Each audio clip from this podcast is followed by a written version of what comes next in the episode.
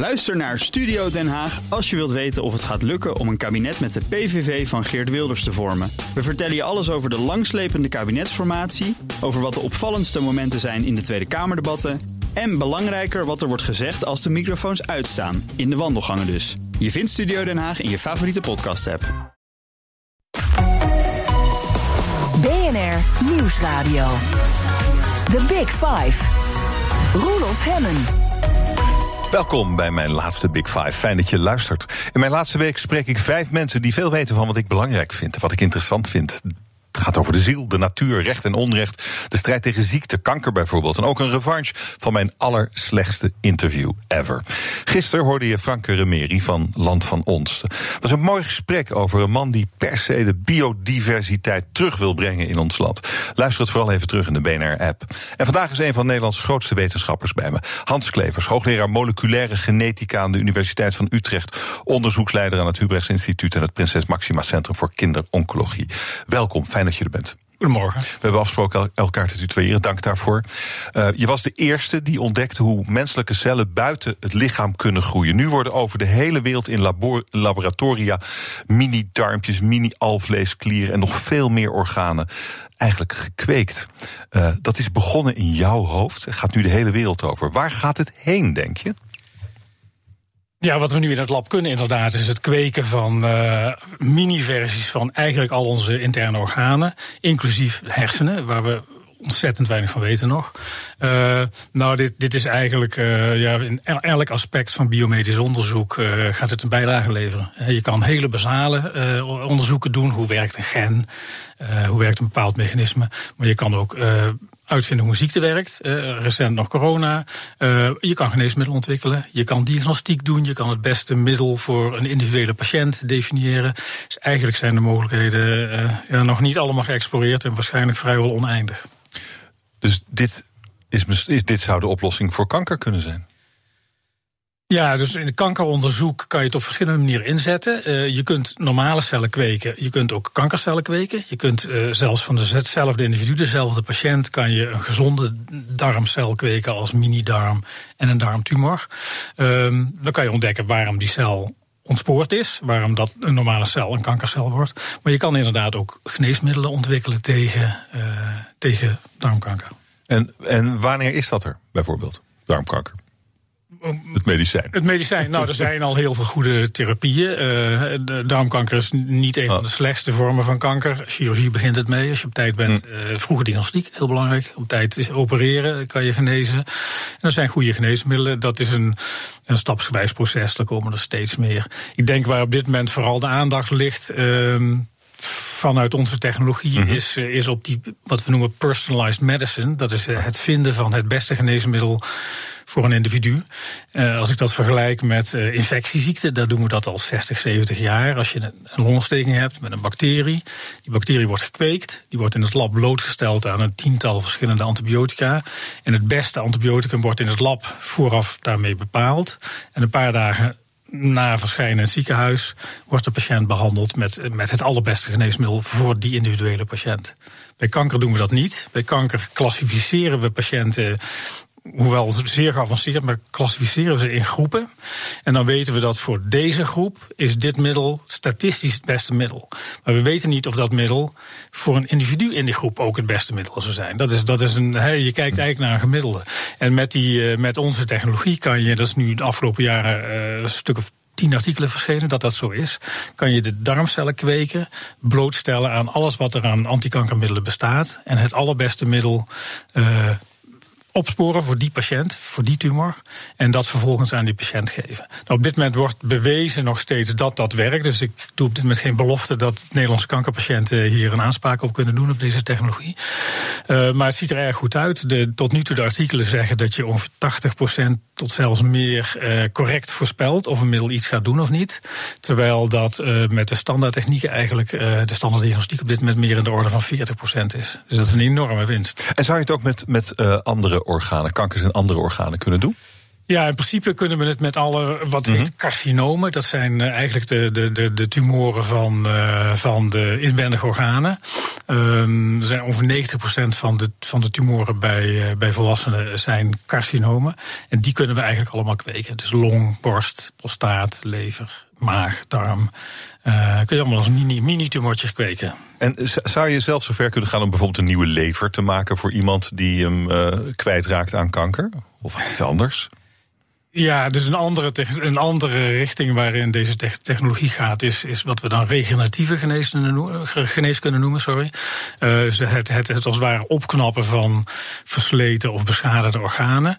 Nu doe je dat op een heel laat moment via een orgaantransplantatie. Uh, met alle uh, limitaties die daaraan verbonden zijn. Maar de belofte is dat je uh, mini-orgaantjes zou kunnen kweken die je kan transplanteren. dus de versie waar wij onder andere nu ook wel aan werken, maar wat nog relatief ver is. Overigens in Japan loopt er nu de eerste trial bij mensen met deze techniek. is dat je niet een heel orgaan kweekt. Van, een lever weegt, weegt meer dan een kilo. Maar dat je miljarden mini-versies van die lever maakt en dat je die inbrengt in die zieke lever. En dan breng je eigenlijk hm. gezonde nieuwe cellen, jonge cellen in, in, in een lever. En je kan een, een orgaan zien als een soort gebouw. de, de structuur van, van zo'n orgaan met daarin de cellen. Dat zijn zeg maar, de werknemers in een kantoorgebouw.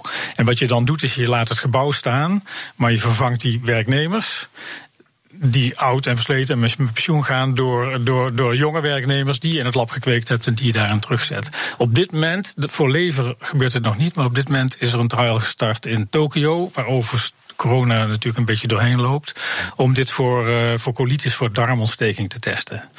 En dit is natuurlijk allemaal gebaseerd op stamcellen. Dus het is ook gewoon, je kunt voor iedereen kun je zoiets doen eigenlijk. Je hebt zelf heb je al het materiaal in je eigenlijk. Ja, ja, ja. Ieder, uh, ieder orgaan heeft zijn eigen stamcellen. En de taak van stamcellen is delen en nieuwe jonge cellen produceren waar de oude cellen het loodje hebben gelegd. Ja. Dit, dit is alweer, deze ontdekking is, is alweer even geleden, jaar of tien geloof ik zelfs. Uh, um, ik, ik kan me, is dit je levenswerk?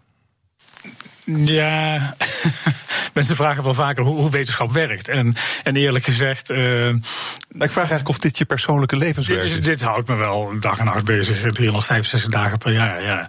En ik, ik, ik, ik, was geloof ik vier of vijf toen de kleuterjuffrouwen naar mij vroegen wat ik wilde worden. En dat was bioloog, dus onderzoeker.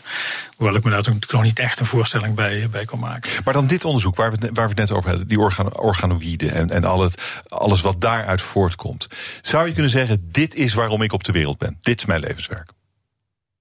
Ja, nou moet ik zeggen, het werkt anders, althans in mijn onderzoeksgroep, hmm. dan, dan men vaak denkt. Dus wij, ik heb nooit, ik heb niet op mijn 25ste, hè, toen ik afstudeerde, bedacht, ik ga uh, mini-orgaantechniek ontwikkelen.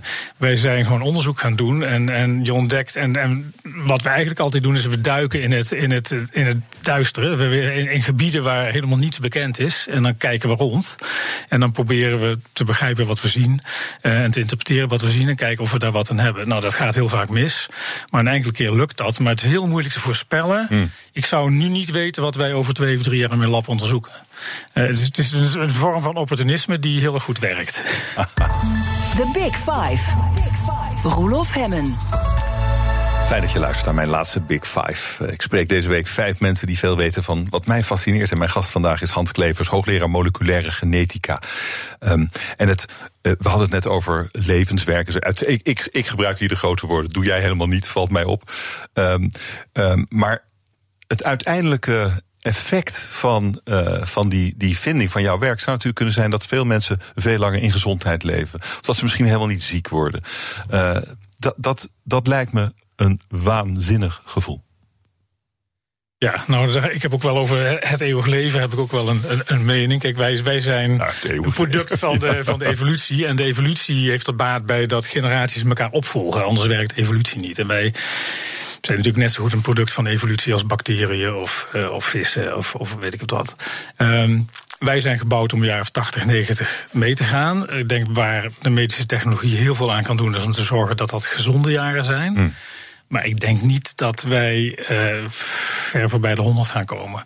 Dus het leven zal denk ik niet heel veel langer worden van wat we ook, uh, wij, maar ook onze collega's wereldwijd doen.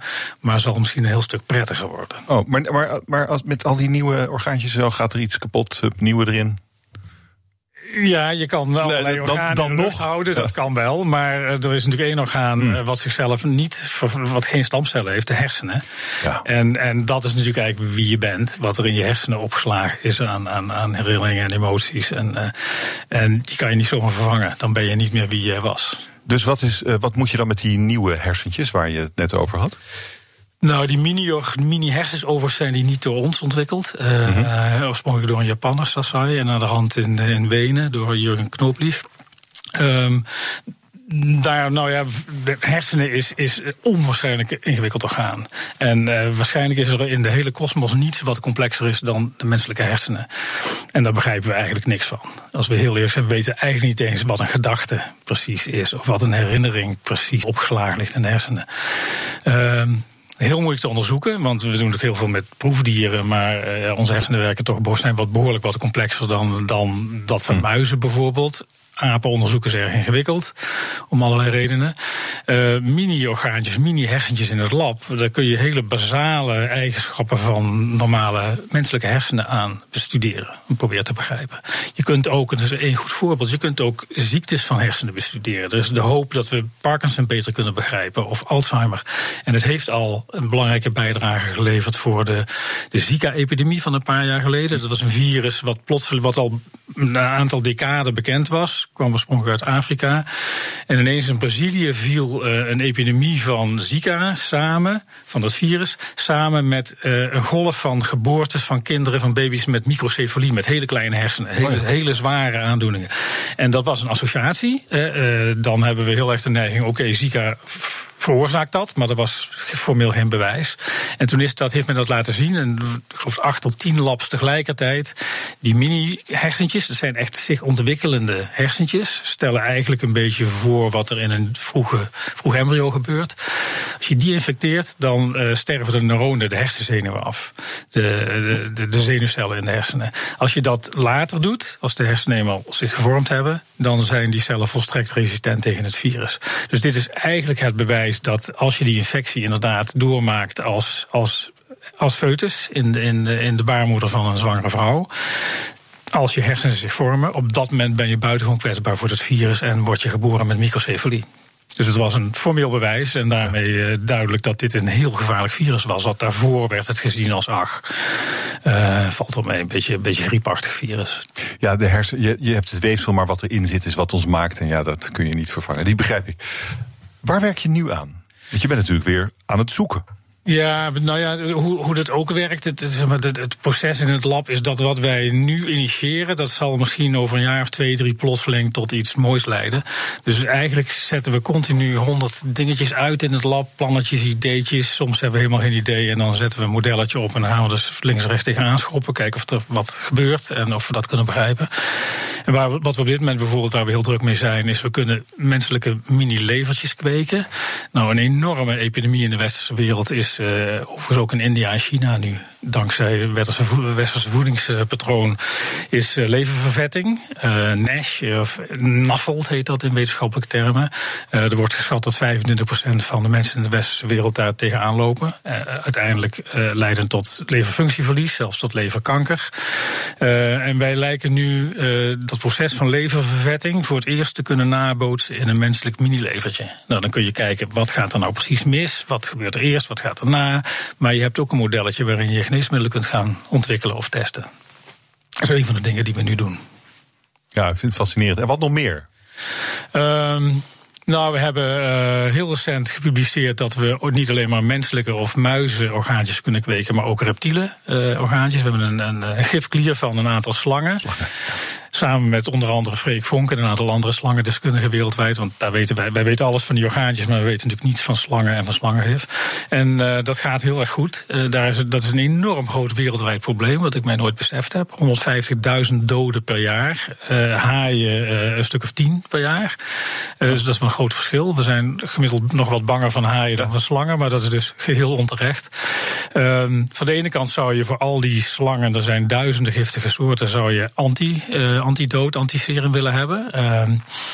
Ehm, wat je op een moderne manier zou kunnen maken. Want je kan veel gif maken in het lab. Je hebt die slangen niet meer nodig. Je ja, want je moest ze nu melken. Snake, ja, snake farms. En er zijn ook maar een zeer beperkt aantal slangen die, waarvan men weet hoe je die moet fokken. En, en, en waar, waarbij dat ook daadwerkelijk gebeurt. Ja, om het gif eruit te halen. Ja, zodat je op basis daarvan. Ze worden gemolken, mhm. gemolken. En dan staan er ook nog een aantal paarden. Die krijgen steeds uh, hopelijk een, een, een laag genoeg dosis geïnjiceerd. om niet zelf te overlijden, maar wel antistoffen te maken. En dat paardenserum wordt dan gebruikt voor patiënten.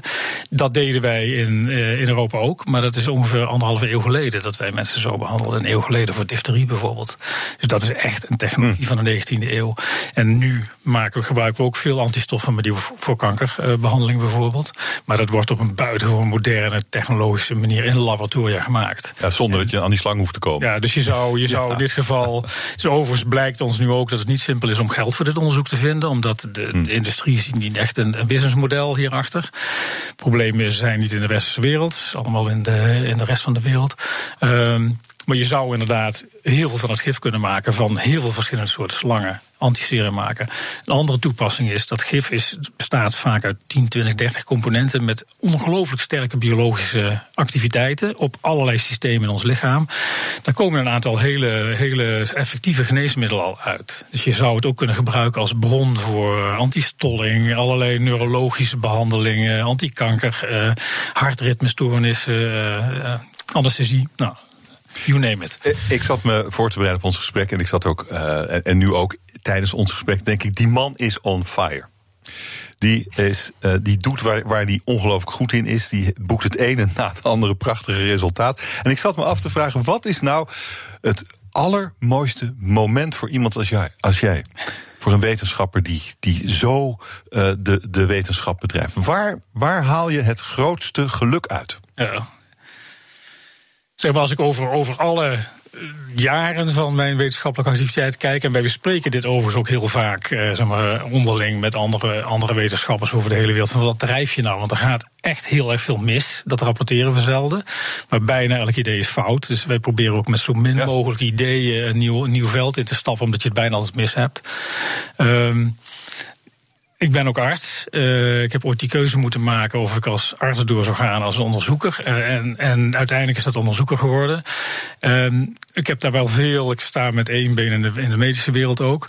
Uh, het is wel een heel ander soort bestaan. Een wetenschapper moet, die, die moet met enorm veel frustraties om kunnen gaan. Want bijna alles mislukt. Je, je wordt continu beoordeeld op een anoniem peer review voor alles wat je doet. Papers, grants, noem het maar op.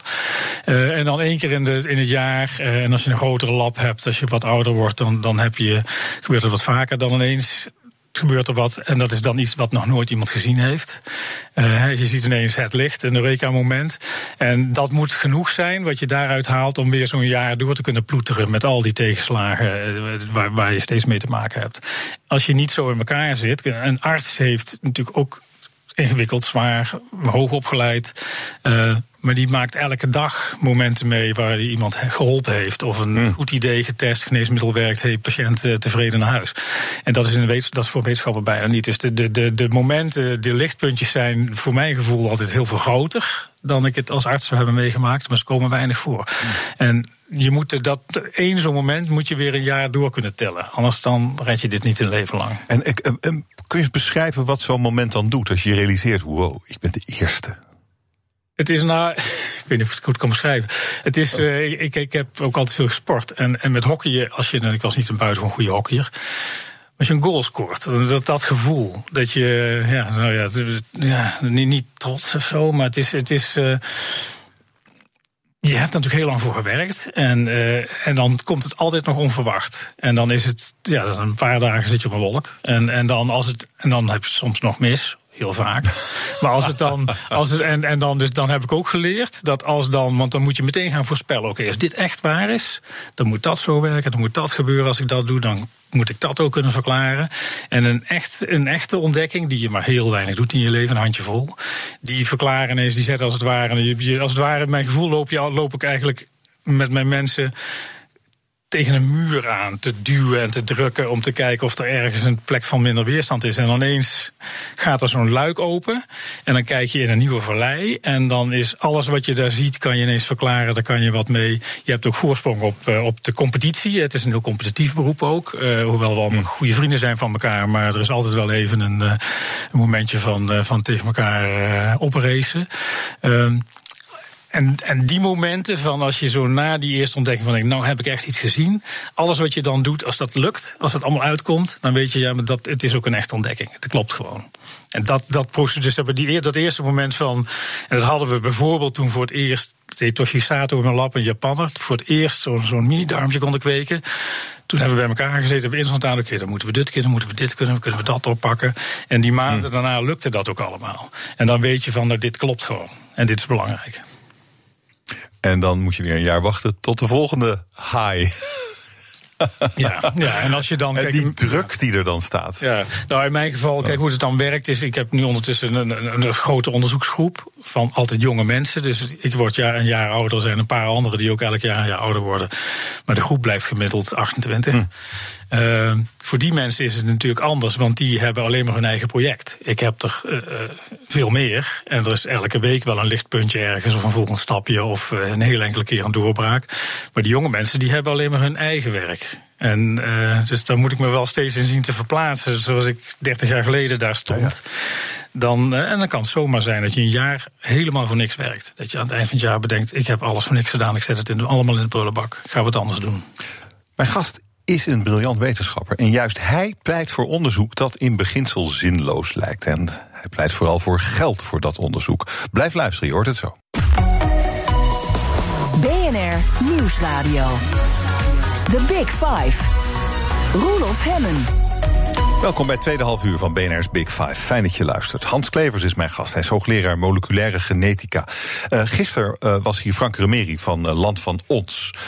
dat gaat eigenlijk over. Hij, zij kopen land van boeren uh, uit de intensieve uh, landbouw. En daar maken ze dan eigenlijk extensieve landbouw van. Dat, wordt, uh, dat komt de biodiversiteit natuurlijk enorm ten goede. En hij had deze vraag voor jou. Luister. Dus hij is gewend door een microscoop te kijken en, en zich te concentreren niet op de mens, maar op al het andere leven. En waar ik dus benieuwd naar ben bij hem of hij dan ook naar, op een andere manier naar het andere leven buiten de mens kijkt. Dat is interessant. Dat is een hele grote vraag. Loop je door een bos, zie je een boom met een blad. Wat zie je dan? Zie je een boom met een blad? Of zit je vooral te zoeken, wat zou er op en in en rond dat blad gebeuren? Nou ja, wat ik vooral zie als ik in de natuur loop... Ik, ik ben als bioloog begonnen en ik, ik, hm. ik had altijd een geweldige interesse in, in, beestjes en vissen en weet ik het allemaal niet. Als ik door de natuur loop, dan zie ik toch vooral hoe alles met alles verbonden is. En dat begint al met de DNA-code. De DNA-code is voor alles wat op deze planeet leeft precies hetzelfde. Die is één keer uitgevonden, die is blijkbaar in de evolutie. is blijkbaar heel, heel succesvol. En dus alles wat leeft spreekt eigenlijk dezelfde taal. Nou, daar kunnen we als mens best wel wat van leren, denk ik. Want daar zijn we toch een stukje minder goed in dan, eh, dan de natuur zelf. Dat is één ding. Een ander, ja, wat me ook altijd wel heel erg treft, is, is, is een ander heel groot voorbeeld van hoe alles met alles verbonden is. Dat de groene planten op deze planeet, die doen de heavy lifting. Die maken van eh, CO2 en water maken ze suiker, glucose en, eh, en zuurstof. Nou, dat is allebei essentieel voor ons. En de rest van alles wat leeft, maakt dat, eet dat weer op. En eh, poept dat weer uit, of weet ik het wat. En dan wordt het weer gewoon CO2. Nou, CO2 is natuurlijk op dit moment nogal een, een hot topic. Maar wij, wij kunnen onszelf totaal niet loszien van alles wat er verder leeft. Een derde voorbeeld, als ik nou even mag. Ik zat gisteren met iemand uh, te praten met een akelige uh, mitochondriale ziekte in de, in, de, in de familie. Mitochondriën zijn de energiefabriekjes uh, in iedere levende cel op deze planeet. Dat blijken bacteriën te zijn. Dus we hebben ooit eens een keer, dus de, de voorgangers van onze cellen, die hebben ooit eens een keer een, een bacterie getemd, gedresseerd en opgenomen. Die zitten echt in onze cellen, die brengen hun eigen DNA mee. En dat doen ze waarschijnlijk al een miljard jaar. Die, eh, die leveren de energie voor iedere cel in een mensenlichaam, maar ook een vissenlichaam. En uh, ook weer aangeven hoe onwaarschijnlijk wij verbonden zijn met alles wat er verder leeft. Dus dat is eigenlijk, als ik naar de natuur kijk, is, dat wat ik zie. Ja. Um, we hadden het over de enorme hoeveelheid werk en de enorme hoeveelheid geld ook die er in de wetenschap omgaat. Hoe je zoekt naar iets en je weet eigenlijk niet wat het is. Je herkent het pas als je het ziet, als je geluk hebt. Um, hoe is er genoeg faciliteit voor wetenschappers op jouw niveau om te doen waar ze goed in zijn? Ja, ik denk dat het zo is dat, dat, dat zeg maar, als, je, als je het stadium bereikt waar, waar ik in zit, en er zijn honderd onderzoekers in Nederland die, die dat bereikt hebben, dan is het niet zo heel ingewikkeld. Je krijgt hele goede mensen die graag bij je werken. Het echte werk wordt hmm. door de jonge mensen gedaan, uh, die steeds in de jaar of drie, vier in je, in je onderzoeksgroep zitten en dan weer teruggaan naar elders, in mijn geval heel veel buitenlanders.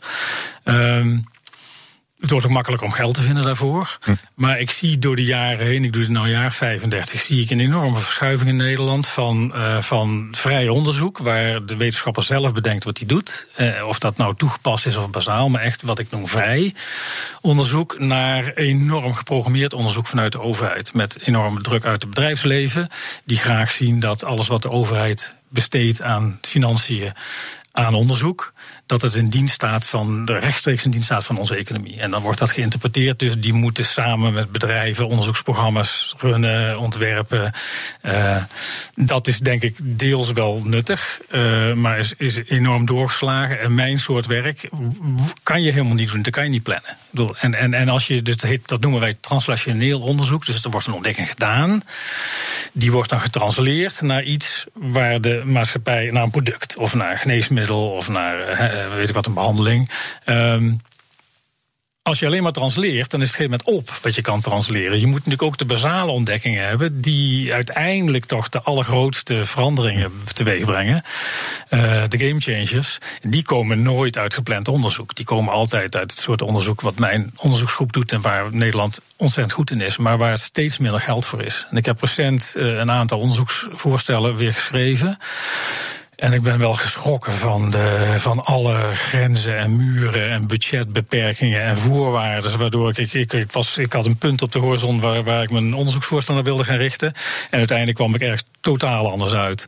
En ga ik nou op papier althans iets doen wat ik zelf nog niet zo heel interessant vind. En waar ik oh, denk maar dat cruciaal hier is op papier althans. Ja, dus uiteindelijk, nou, het is mij ook wel eens gevraagd van, als je nou kijkt naar, naar de, de, de belangrijke ontdekkingen uit jouw lab, en ik denk dat je dat aan veel mensen in Nederland kan vragen, had je daar ooit, had je dat plan ooit op papier staan om, om dat pad in te slaan?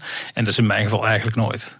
Hoeveel, hoeveel geld is er in jouw onderzoek gaan zitten in de afgelopen 35 jaar? Heb je dat wel eens uitgerekend? Geen idee. Nee, ik weet, ik weet, ik denk, nou ja, er zit heel veel indirect, het gebouw en zo, wat ik allemaal niet zie. Maar op dit moment zet mijn lab, denk ik, 3 eh, miljoen per jaar om, wat heel veel is. Uh, wat ik dus continu uh, samen met de mensen brengen, vaak buitenlands brengen vaak hun eigen salaris mee, fellowships.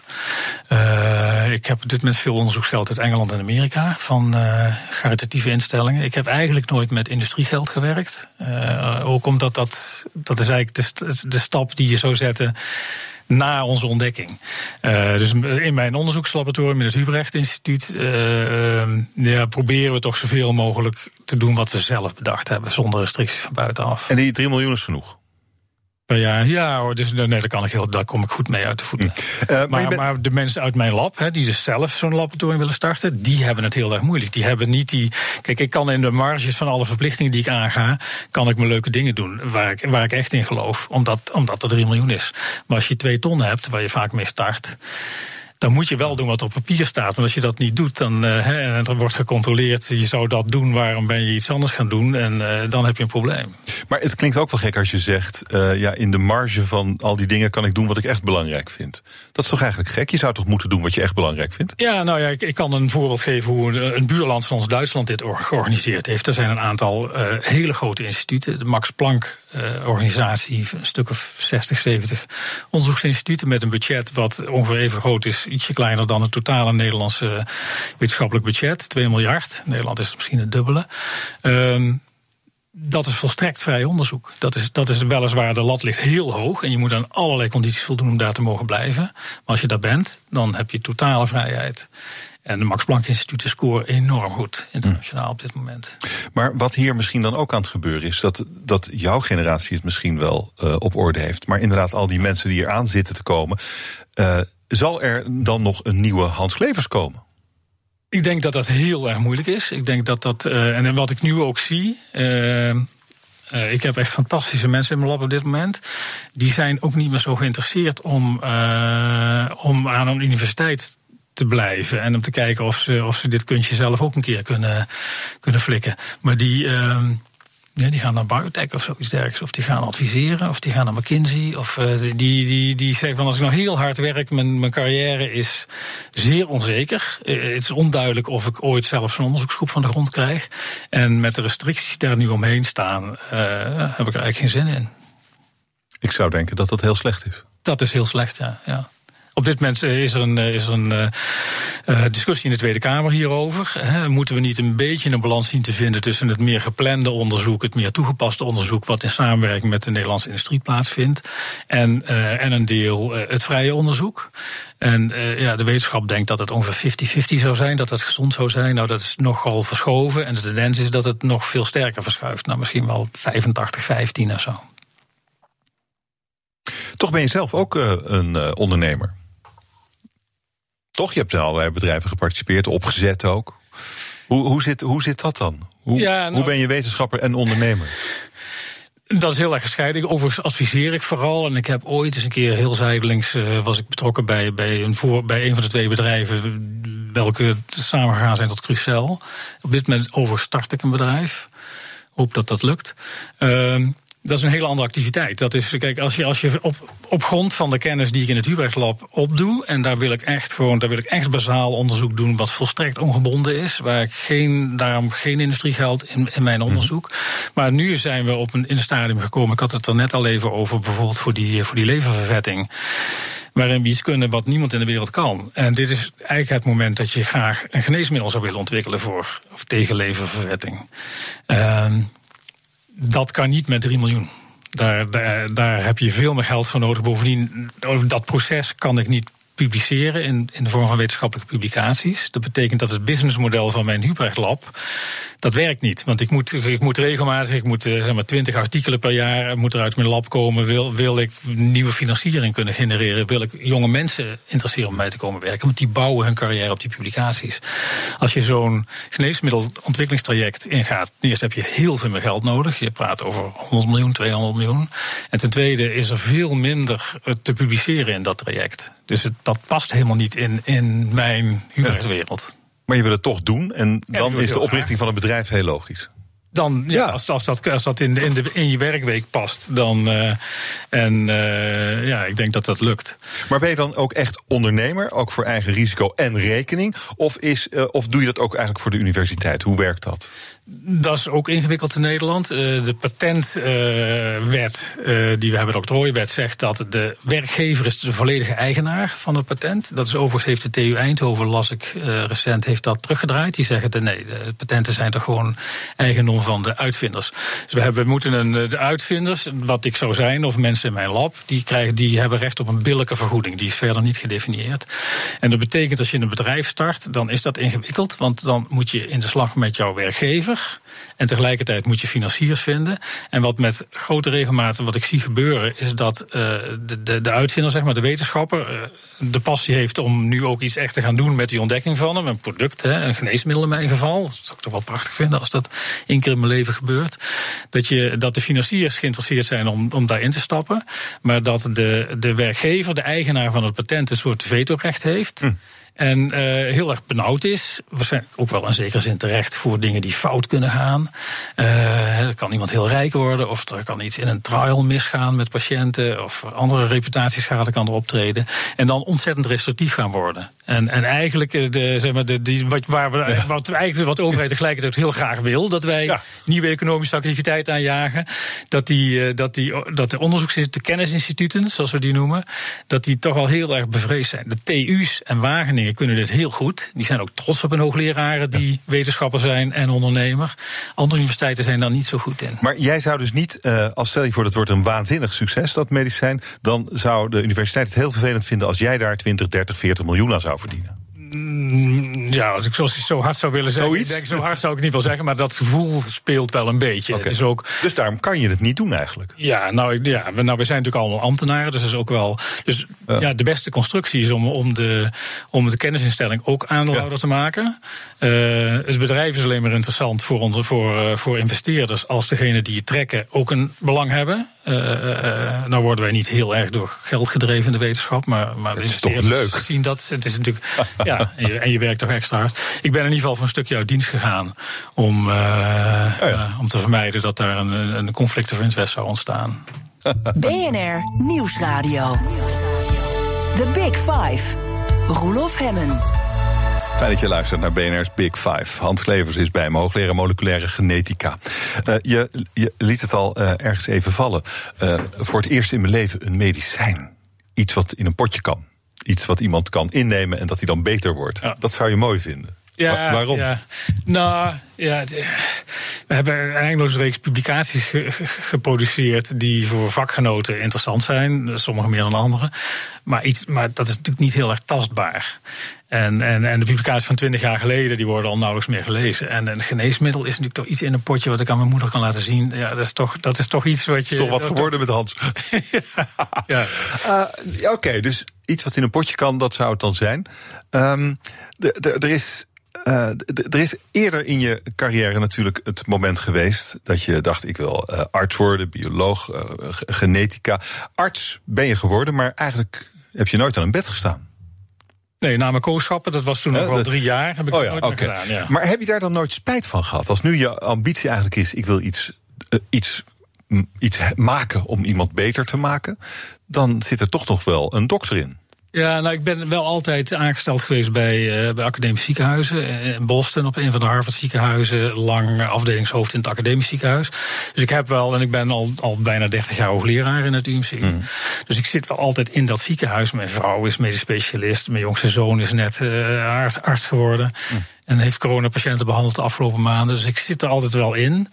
Ik weet niet of ik zo'n geslaagd arts zou zijn geweest. Ik raak toch vrij snel eh, eh, ver- verveeld als, het, eh, als er veel van hetzelfde gebeurt. En eh, dat is niet goed voor, voor patiënten.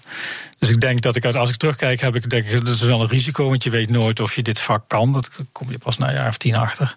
Maar dat is achteraf wel een goede keuze geweest. Maar die medische wereld vind ik fantastisch. Dus ik denk dat ik aan het bed niet zoveel voor patiënten had betekend. Maar als ik een pil weet te ontwerpen, dan misschien wel. Ik, ik, blijf nog even hangen. Het zou, eh, dat je snel verveeld raakt. Er weer weer een patiënt is met een verschrikkelijk probleem. En dat de dokter dan een beetje verveeld op zijn telefoon gaat zitten kijken. Zo'n dokter. Nee, nee, maar het is natuurlijk, wat een dokter natuurlijk heel veel doet, is toch, toch relatief routine. Die zien, er zijn Ja, natuurlijk heel ja. veel mensen. Heb jij geen routine? Nooit. Al die onderzoeken die, die, die misschien niks opleveren, dat, is dat dan niet de routine? Nou ja, dus ja, dat is wel een, een vast werkpatroon. Maar elk jaar, kijk, elk jaar verandert wetenschap. Dat is de essentie van de wetenschap. Er komen steeds nieuwe inzichten. En ergens, elke dag gebeurt er weer ergens op de wereld iets waarvan ik hoop dat ik het op tijd verneem. En dat ik nu dan er zelf iets aan bijdraag met, me, met mijn lab. Eh, als ik nou kijk wat de technieken van vijf of tien jaar geleden. Wij konden niet dromen wat wij, wat wij nu kunnen. En, en dat is die moleculaire biologie, dus de DNA-technologie ontstaan in de eind jaren 70. Daar heb ik net het eerste beginnetje niet van meegemaakt, maar eh, begin jaren 80 daarin gestapt. Wij denken elke vijf jaar, nou hebben we het wel gehad met alle doorbraken. En, en nou, CRISPR is daar weer bijgekomen. En, en de, de, de sequentietechnieken, het aflezen van DNA, die exploderen nog steeds, wat je ermee kan. En we kunnen elk jaar weer dingen waarvan we niet gedroomd hadden. En die komen altijd uit onverwachte hoeken. En dat lijkt niet te stoppen. Uh, dus wat als arts zou dat veel trager gaan. Daar komen natuurlijk nieuwe geneesmiddelen, nieuwe technieken, nieuwe operatietechnieken, nieuwe diagnostiek. Maar dat gaat heel geleidelijk, heel stapsgewijs. En bij ons uh, explodeert het altijd ergens in dat hele brede veld van de wetenschap. Gebeurt wat en dan kijkt iedereen daar naar. En dan gebeurt er ineens achter je weer iets nieuws waar je weer naar moet kijken. En dat is, hm. het is on, de dynamiek is onwaarschijnlijk. Ja. Je bent nu even in de zestigen, uh, dus je kan nog heel lang mee. Uh, wat zou je per se nog mee willen maken in je actieve carrière aan doorbraak? Uh, ja, zeg maar, in de wereld zou ik het wel op de korte termijn een, goed vaccin voor, voor, corona. Dat zou de wereld heel erg veel helpen. Zet ook de wetenschappen weer wat steviger in het zadel. Want er, is toch, worden veel vraagtekens gezet bij, bij belang of bij de werkelijkheid van de wetenschap. Vind je, vind je het, vind je het eh, heel ingewikkeld? Denk je dat het heel ingewikkeld is, zo'n eh, vaccin? Nee, dat het vaccin is helemaal niet ingewikkeld. Oh. Nou ja, een vaccin. Waarom is het er dan nog niet? Zeg wel eens in mijn lab zouden wij uh, zo tien kandidaat vaccins kunnen maken. Maar het is een geneesmiddel. Het moet veilig zijn. Mensen zijn banger van vaccins dan van welk ander geneesmiddel dan ook. Veel mensen vrij onbegrijpelijk, want het zijn de, echt de allerveiligste en allergoedkoopste en allereffectiefste hm. middelen die we hebben om uh, gezondheid te verbeteren. Maar uh, zeker nu willen we, wil men absoluut zeker zijn dat het middel veilig is. Uh, en dat het goed beschermt. Want als het niet veilig is, dan, dan verliezen we nog veel meer mensen die zich willen laten vaccineren. En als het niet beschermt, uh, uh, en dan worden allerlei percentages genoemd, maar 70, 80 procent, 90 procent bescherming wil je wel hebben, dan kan je deze epidemie de kop indrukken. normaal duurt dit vele jaren en we proberen dat nu in een half jaar te doen. Dat gaat niet lukken. er zijn nu zeker 200 kandidaat vaccins die in allerlei stadia van testen zijn. Maar je moet gewoon laten zien in mensen dat het veilig is en dat het werkt. Ja, ja, dat corona had je ook nog even naar gekeken als bij wijze van een wetenschappelijk gebbetje eigenlijk om uh, te kijken hoe het in de, wat het in de darmen doet. Hè? Ja, samen met, uh, met Marion Koopmans en Bart Haagmans in Rotterdam en, en, Peter Peters in Maastricht. Ja, de, nou, er was, er was duidelijk uh, aanwijzing dat het virus niet alleen de longen bereikt, maar ook waarschijnlijk in de darm wat deed. Althans, mensen hadden soms alleen maar buikklachten. en dan later longklachten. maar ook voor de verspreiding. Het virus zou misschien via oraal en weg zich verspreiden. En dan via uh, gebrek aan hygiëne. Uh, en dat blijkt zo te zijn. Dus we hebben onze mini-darmpjes en mini-longetjes gekweekt. En in Rotterdam, in de, de, de, laboratoria die ze daar hebben om met die virussen te mogen werken, geïnfecteerd. En laten zien dat die darmen nou minstens zo goed infecteren door het virus en het virus dus uh, vervolgens uh, enorm amplificeren. Ja. als longen dat kunnen. Ja, en daarom vinden we het ook in de riolen natuurlijk. Ja, en dat is, ja, dat is een. Ja. Maar ik, ik wilde eigenlijk weten, wat wil je absoluut meemaken aan wetenschappelijke doorbraak? nou, ik denk uiteindelijk, wij doen er zelf niet zoveel meer aan, maar ik zou het prachtig vinden als uh, onze voor kanker, wat toch een enorme uh, aandoening is. Hè, een op de drie mensen overlijdt aan kanker. Um, als voor personalized medicine, al die fantastische kankermiddelen die we hebben, als we die veel gerichter uh, aan patiënten kunnen geven. Een kankerpatiënt wat ik al eerder zei, die wordt behandeld volgens een statistische mhm. uh, overweging. Uh, als die niet meteen het juiste middel krijgt, dan uh, krijg je de bijwerking, die krijg je altijd. Je verliest tijd en, en, dan beide redenen leiden tot een verslechtering van die patiënt. dus meteen het juiste middel, de juiste therapie geven of de juiste combinatie is enorm waardevol. Nou, het lijkt er nou naar dat onze gekweekte tumortjes dit mogelijk maken om echt te testen, net zoals je dat op mm bacteriënfectie zou doen, in het lab. Eerst testen op, op de cellen voordat je dan de patiënt geeft. Er worden nu apparaten ontwikkeld, uh, met name weer in Amerika en in China, die dit allemaal heel veel sneller maken eh, en heel veel goedkoper. Uh, en het zou zomaar kunnen zijn dat het met een paar jaar dat, dat het inderdaad beschikbaar komt als een algemeen diagnosticum. Als je een tumor hebt, kijkt de patholoog dan naar, het DNA wordt gesequenced. Dat is wat we eigenlijk al doen. En je kijkt ook nog even of het middel wat je wil gaan geven wel werkt voor die patiënt. Nou, dat zou, als dat uitkomt, als het echt practice wordt, clinical practice, dat zou ik wel prachtig vinden. En dan gaan we waanzinnige levensjaren winnen voor al die kankerpatiënten. Dat is wat er nog. Gezonde jaren. Ja, ja gezonde jaren. Um, uh, mijn gasten stellen elkaar dus vragen via de kettingvraag. Je hebt er een beantwoord. Mijn volgende gast is Robine de Lange. Zij is president van de rechtbank in uh, Rotterdam. En doet landelijk ook uh, dingen in de wereld van de rechters. Ik ben benieuwd naar jouw vraag aan haar. Ja, ik heb vier jaar in, in Amerika gewoond. Uh, en ben de afgelopen maanden in de lockdown veel thuis gewerkt. Uh, volledig verslaafd geraakt aan CNN, die ik hier trouwens ook achter me zie. Mario Cuomo met zijn eh, persconferenties elke avond. En uh, wat mij toen al in de jaren tachtig, toen we er woonden, maar nu steeds meer treft, is toch wel het probleem van het Amerikaanse uh, systeem waarin de, uh, de wetgevende macht, dus de president, uh, rechters benoemt. En eigenlijk die trias uh, politica, die, die scheiding is, bestaat daar niet. Hè. De Hoge Rechtshof, Supreme Court, maar ook alle federale rechters zijn politieke benoemingen. En, en uiteindelijk wat ze doen zijn politieke besluiten. Dus mijn, mijn vraag is, ik heb ons dus wel uitgevonden hoe wij in Nederland rechters benoemen. Dat doet Dat doen de rechters. niet, niet Mark Rutte. Maar. Ehm, we zien de omgekeerde beweging een beetje. Uh, rechtbanken nemen nu uh, besluiten die eigenlijk door de politiek genomen zouden moeten worden. Bijvoorbeeld hm. agenda-arrest hm. heet het, geloof ik. Dus hoe, hoe ligt dat bij ons? Is er een probleem van het vermengen van die twee takken van de trias politica? Dat is een mooie vraag. Ga ik aan haar voorleggen morgen. Dank voor dit gesprek. Hans Klevers, hartelijk dank. Alle afleveringen van BNR's Big Five zijn natuurlijk terug te luisteren. Je vindt de podcast in de BNR-app en op bnr.nl. Ga nu vooral luisteren naar Geert-Jan Haan met Ask Me Anything. Dag.